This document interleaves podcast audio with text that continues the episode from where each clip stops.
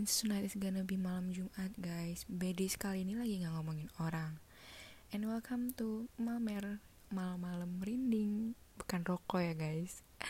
I'm not gonna promise you kalau cerita ini bakal bikin kalian merinding But cerita ini bener-bener gue alamin sendiri Dan bikin diri gue merinding gitu.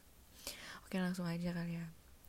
Semua kejadian ini terjadi di rumah gue dan ya hampir semua teman-teman gue tahu kalau rumah gue tuh malam-malam emang agak serem apalagi banyak pajangan-pajangan dan lukisan-lukisan punya bokap gue yang emang agak creepy gitu ya.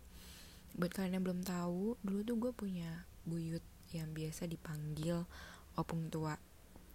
Tahun lalu bulan November tuh dia meninggal sore sebelum maghrib di kamarnya di rumah gue nah posisi kamar dia nih sebelahan cuma seberangan ngerti nggak sama kamar gue jadi sebelahan cuma kayak ada pembatas gitu sofa dua. Pas malam dia meninggal ada saudara gue nih datang nemenin gue sama adik gue meanwhile nyokap sama bokap gue antrin mendiang opung gue ke uh, rumah duka Gatot Subroto. Nah pas malam jam 9an which is posisinya udah pada mau tidur gitu. Jadi kayak bubaran gitu dari ruang tengah om gue nih baru selesai wudhu dan mau sholat di space di tempat antara kamar gue dan opung gue itu. Nah gue posisinya nih mau masuk kamar sama sepupu gue mau siap-siap tidur kan. Pas gue buka pintu nggak tahu kenapa pintu kamar opung gue tuh bunyi pintu dirapetin. Ngerti nggak? Padahal sebelumnya emang udah ketutup gitu. Ngerti gak sih? Pintu kan kalau ketutup kan bunyi ya nah kayak gitu. Jadi itu pintu tuh kayak merapatkan diri sendiri gitu ngerti gak padahal emang sebelumnya tuh ketutup. Gitu deh emang kadang kayak nggak make sense ya. Terus karena gue agak parno rumah sepi soalnya kayak punya kenangan buruk lah kenangan buruk lah sama buyut gue nih.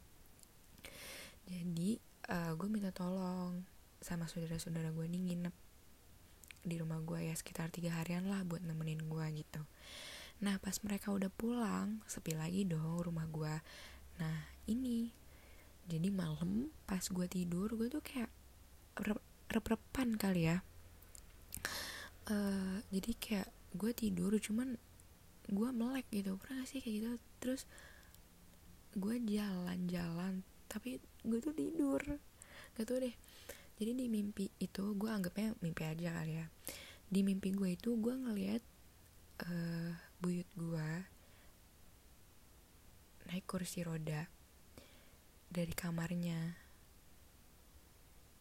Sumpah gue merinding. Di kursi roda keluar dari kamarnya dan didorong sama tiga anak kecil. Tapi anak kecilnya tuh pendek pendek banget kayak anak umur 2-3 tahun gitu. Sumpah sumpah sumpah aja. Terus pas tiba-tiba pas udah mengarah keluar gitu kayak udah keluar udah di depan pintunya depan pintu kamar opung gue ini tiba-tiba tuh kursi roda jalan kenceng banget kenceng banget ke arah gue kayak didorong sama anak kecil itu tuh didorong ke arah gue gitu kayak mau nabrak gue gue langsung bangun.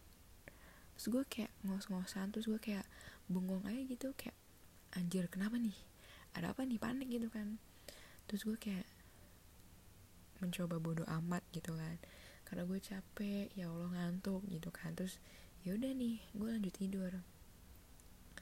Terus besokannya siang nyokap nyokap gue tuh cerita kalau pas subuh subuhnya itu uh, bokap gue tuh ngeliat buyut gue di depan TV tapi nggak madep TV gitu deh pokoknya jadi posisi uh, sofa depan TV di rumah gue tuh sofanya tuh miring gitu sofanya tuh nggak ngadep ke TV nah jadi sofanya miring dan uh, apa buyut gue tuh jadi duduknya tuh nggak nggak TV gitu lah istilahnya.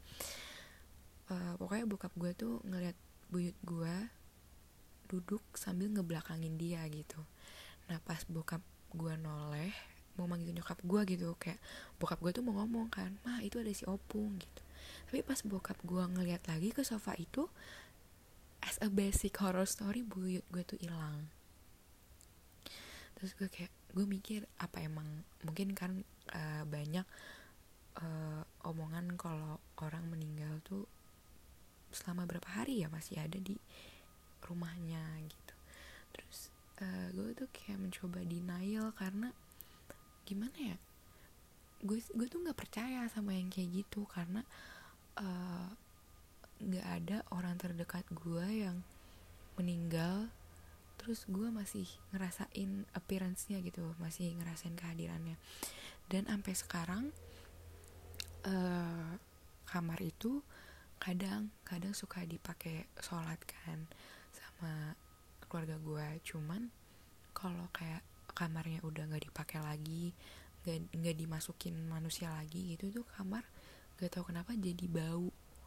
Gak tahu kenapa jadi bau gitu. Padahal spray diganti kasur langsung dijemur kan. Pas besokan itu langsung dijemur kasur langsung dibersihin gitu.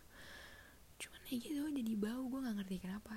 Dan gue ngerti kan maksudnya kalau misalkan jadi kayak wangi bunga itu mungkin masih make sense ya karena banyak cerita-cerita horor kayak gitu. Cuma ini tuh bau. Bau apa ya? Kayak bau.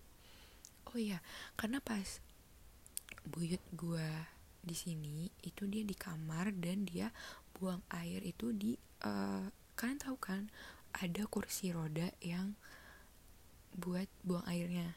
Nah pokoknya ada. Emang dia uh, buang airnya tuh di kamar itu juga. Dan jadi kayak bau iya bau bau kamar mandi. Bau kamar mandi kamar mandi bau tuh ya bau kayak gitu. Gitu. Gak tau kenapa gue nggak ngerti. Jadi gue nggak minta kalian buat percaya. Cuman gue kasih tahu aja kejadian ini gak gue buat-buat dan gak gue lebih-lebihin gitu dan gue alamin ini sendiri gue rasa itu aja deh buat Malmer episode kali ini udah kepanjangan ya durasinya nanti nanti kalian yang ada bosen gitu kalau panjang-panjang I really wish you guys enjoy the story and also my voice. Oh ya, kalian jangan lupa share ke teman-teman kalian ya. Thank you.